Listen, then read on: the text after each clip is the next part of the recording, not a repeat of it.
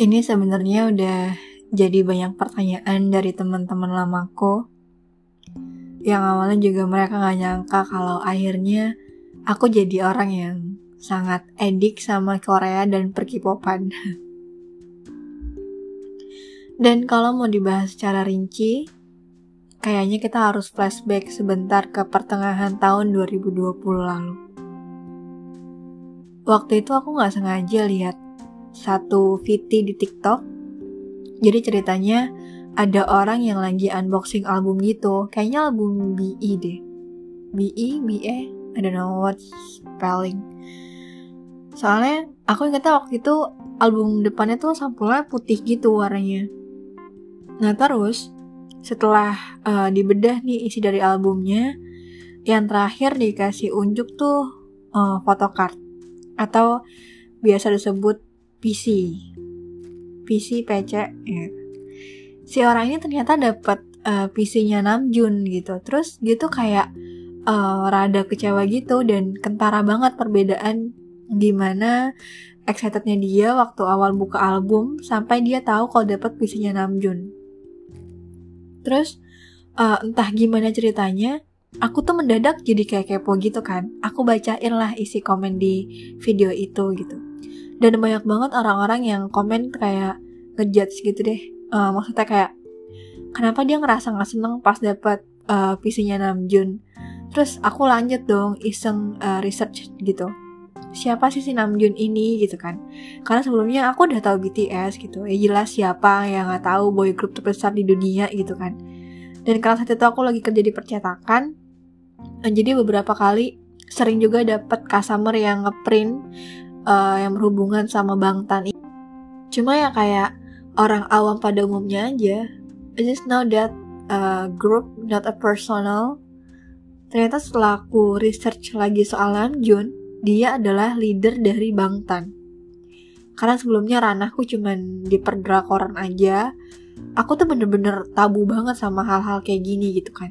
Aku pikir kalau leader di grup tuh harus yang paling tua gitu jadi aku mikir kayak oh ini nih yang paling tua di Bangtan gitu kan. Iseng lagi lah buka YouTube uh, research music video BTS waktu itu video pertama yang aku tonton tuh uh, Mic Drop. Kenapa? Karena aku ngerasa uh, tertarik aja gitu sama cover dari musik videonya. Dan waktu itu juga viewsnya juga lumayan banyak ya. Di menit 2 lewat 15 detik atau 2 lewat 19 gitu aku lupa. Aku mikir kayak eh kok menarik ya gitu kan. Setelah selesai aku jadi makin kepo lagi nih gitu. Soalnya setelah aku telah lagi lirik lagu Mic Drop yang barusan aku dengerin kok isinya lumayan sarkas gitu ya.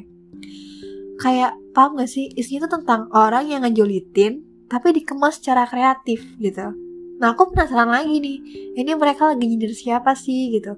So aku lupa aku kepo juga kan Ternyata kayak aku paham banget soal BTS sebagai grup besar waktu itu karena tiap kali aku buka trending di Twitter itu mereka atau salah satu dari mereka tuh pasti muncul di sana gitu. Dan dalam seminggu tuh pasti ada dua atau tiga kali nama mereka tuh nangkring di situ gitu kan. Aku coba research lagi soal BTS terus ketemu nih. Tapi aku lupa detail akunnya siapa. Tapi secara garis besar, dia cerita soal gimana Bangtan bisa sampai sebesar ini. Soal gimana mereka melalui struggling di awal-awal debut, dan aku beneran nge-scroll YouTube Bangtan tuh lama banget gitu. Aku lihat video-video awal pra debut mereka, waktu awal mereka tinggal di asrama lama, soal mereka yang lahir dari agensi kecil, mereka dulu selalu uh, diacuhkan gitu sama tim liputan atau wartawan atau media, dan aku nangis ya aku ingat aku nangis waktu itu. Terus setelahnya aku jadi uh, mikir lagi gitu kan. Aku balik lagi ke uh, music video Mic Drop tadi. Aku dengerin berkali-kali lagi sampai aku kayak mendadak bilang oh ini maksudnya gitu. Saat itu aku langsung kayak oke okay, aku mau coba celupin kaki dulu nih ke dalam perkipapan ini gitu kan Terus karena pertama kali ya nyemplung ke dunia perkipopan, aku tanya lah sama temanku yang udah lebih dulu terjun ke sana. Ya udah kita cerita-cerita. Uh, aku bilang kayaknya aku tertarik deh sama Bangtan, soalnya uh, lagu mereka tuh unik dan menarik banget buat didengar dan dikupas gitu paham gak sih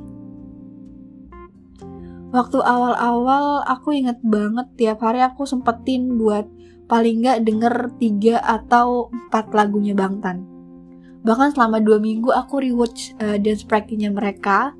Soalnya kayak seru dan menarik aja gitu. Aku tontonin semua perform mereka keseharian mereka di belakang panggung atau setelah-setelah jadwal mereka. Aku tontonin gimana mereka berinteraksi satu sama lain. Dan yang buat aku kagum terus aku juga makin yakin untuk masuk ke dalam magic shop mereka adalah karena uh, gimana interaksi satu sama lain dan gimana uh, mereka sama penggemarnya tuh kayak nggak ada sekat gitu loh. Bener-bener aku setuju banget waktu ada orang yang bilang kalau sama Bang Tan tuh kita nggak bakal dibiarin buat jatuhnya sendirian gitu. Karena mereka bakal lebih bucin daripada kita gitu. Ngelihat gimana mereka selalu melibatkan army di setiap proses yang mereka jalanin tuh wah uh, semenyenangkan dan sebangga itu aku gitu kan. Dan ini fase paling lucunya sih jadi uh, setelah itu aku beneran cuma nyemplungin kaki doang kan di dunia perkipopan ini. Terus di awal tahun 2021 kemarin, sekitar bulan Maret, aku iseng tuh nanya ke temanku soal AU yang emang lagi rame banget kan di Twitter waktu itu. Akhirnya dia kasih aku rekomendasi AU yang universe-nya tuh Bangtan. Ketemu lah sama satu AU yang udah pernah aku bahas juga di podcast yang judulnya untuk Aksa itu kayak jadi jalan buat aku untuk makin kenal sama Bang Tan gitu terus ya udah kan sampai di bulan September. Aku lagi ada di fase terendah dalam hidupku saat itu. Aku ngerasa kalau duniaku tuh kacau banget gitu. Terus aku inget kalau aku kayaknya ada bahan tontonan deh, Run BTS atau biasa disebut dengan Dalbang. Sejujurnya uh, acara itu dan semua lagu di album Love Yourself itu uh, jadi penyembuh buat aku. Aku sadar kalau secara nggak langsung mereka tuh jadi rumah buat aku tempatin gitu aku yang ngerasa kalau hari besok tuh kayaknya nggak akan uh, berjalan baik atau akan sama aja kayak hari-hari aku yang sebelumnya tapi begitu pulang buka laptop lihat mereka rasanya tuh kayak apa ya kayak disambut kayak direngkuh ditemenin gitu. Dan masalahnya ya isi lagu Bangtan tuh sebenarnya hampir 60% kayaknya itu lebih ke real life gitu. Ngomongin soal hidup dan nggak melulu soal cinta-cintaan juga gitu. Apalagi di album Love Yourself di album itu mereka bener-bener ngingetin aku dan Army untuk jangan pernah kerasa sendiri. Kayak mereka bilang kalau uh, I'm not walking alone karena biar gimana pun mereka tuh sebenarnya ada di dekat kita gitu. Ini dibuktikan ke beberapa waktu setelahnya. Saat itu uh, inget banget banyak banget tontonan soal mereka gitu. Konten-konten mereka yang aku ngerasa kalau aku tuh kayak beneran gak dibiarin sedih lama-lama gitu. Mereka jadi tempat untuk kabur tempat untuk pulang untuk berkeluh kesah untuk untuk uh, cerita gitu soal apa yang lagi aku alamin mereka bukan cuma idol buat aku tapi juga kayak punya kakak, punya temen yang ngingetin kalau aku salah tapi nggak menghakimi. Kayak punya keluarga baru yang walaupun cuma bisa dilihat dari layar laptop atau HP gitu ya, tapi sinyal telepati atau kekuatan cinta yang mereka kasih tuh sampai ke aku gitu. Walaupun ya uh, mereka nggak menyelesaikan masalah di hidupku, cuma sama mereka dan dengan adanya mereka aku jadi punya alasan lagi untuk bertahan untuk uh, aku jadi punya alasan lagi untuk hidup bertahun-tahun ke depan gitu.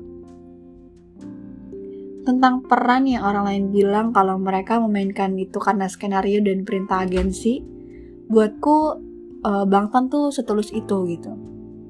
Apalagi soal dinner festa kemarin, uh, entah gimana aku sedih banget gitu. Sebenarnya pas awal muncul comeback mereka, terus begitu teaser albumnya keluar sebagai army baru gitu kan, aku ngerasa kayak diajak berkelana menyusuri tiap detik yang dulu pernah mereka laluin gitu.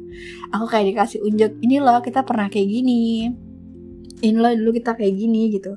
Kita pernah di fase-fase kayak gini dan waktu mereka nyampein ke army soal rencana soal project mereka aku kayak mikir diem nangis gitu aku inget banget aku nangis tiga hari berturut-turut dan moodku tuh semingguan ancur berantakan gitu kan.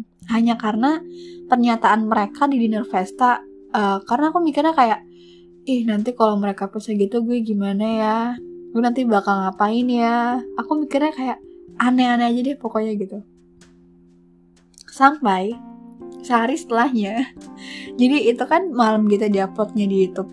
Besokannya si Jungkook tuh langsung nge-live gitu dia kasih pernyataan resmi uh, klarifikasi ceritanya si anak bayi ini tuh emang kayaknya mantengin Twitter 24 jam per 7 deh dia kayak tahu kalau banyak army yang ngerasa sedih dan ngerasa salah paham aja sama subtitle di video dinner waktu itu. Dia bilang kalau mereka bukan hiatus, mereka cuman uh, ba lebih banyak uh, solo project untuk beberapa waktu ke depan gitu. Tapi mereka tetap mereka tetap uh, ngambil job uh, grup dan mereka akan tetap jalan sebagai grup dan mereka akan terus sama-sama waktu yang lama gitu. Karena ada banyak hal dan mimpi yang masih mau mereka dapetin juga kan. Lihat gak sih gimana pengertiannya mereka ke army aja bikin aku jatuh hati lagi dan aku tuh jadi selalu percaya kalau omongan laki-laki yang bisa dipegang tuh cuma omongannya Bangtan. Karena tiap mereka janji mereka pasti akan tepatin itu gimana aku bisa ngerasa kesepian kalau tiap hari aku nggak dikasih jeda untuk ambil nafas panjang karena mereka selalu berhasil buat aku jatuh cinta lagi dan lagi. Tentang gimana Namjoon dan segala karismatik yang dia punya. Tentang gimana Sokjin si manusia paling tampan dan pede yang selalu bikin mood uh, ketawa gitu kan. Tentang Yunggi yang paling sering dapat dan manusia S tapi kalau udah ngeluarin statement langsung di ulti pakai uh, level 4 sekaligus nggak pakai level 1 dan yang paling penting yang nggak ketinggalan selalu Yoongi Marry Me. Terus tentang gimana uh, si Sunshine si Sunshine Army J-Hope entah kenapa ya vibesnya J-Hope tuh selalu apa ya sedahsyat itu buat jadi pelipur Army gitu kan. Juga tentang seberapa manis dan softnya Jimin tentang si laki-laki yang selalu bikin aku huhu haha alias Kim Taehyung. Dan juga terakhir laki-laki yang umurnya 25 tahun tapi nggak mau dipanggil bayi. Padahal tiap hal yang dilakuin tuh ngebuat dia jadi kayak makin mirip bayi gitu alias jongkuk uh, aku mau bilang makasih karena kalian udah lahir ke muka bumi makasih karena kalian udah lahir sebagai versi manusia terbaik karena kalau kalian ciptakan sebagai bunga tulip agak ribet nanti saya mengaguminya ya karena akan cepat layu gitu.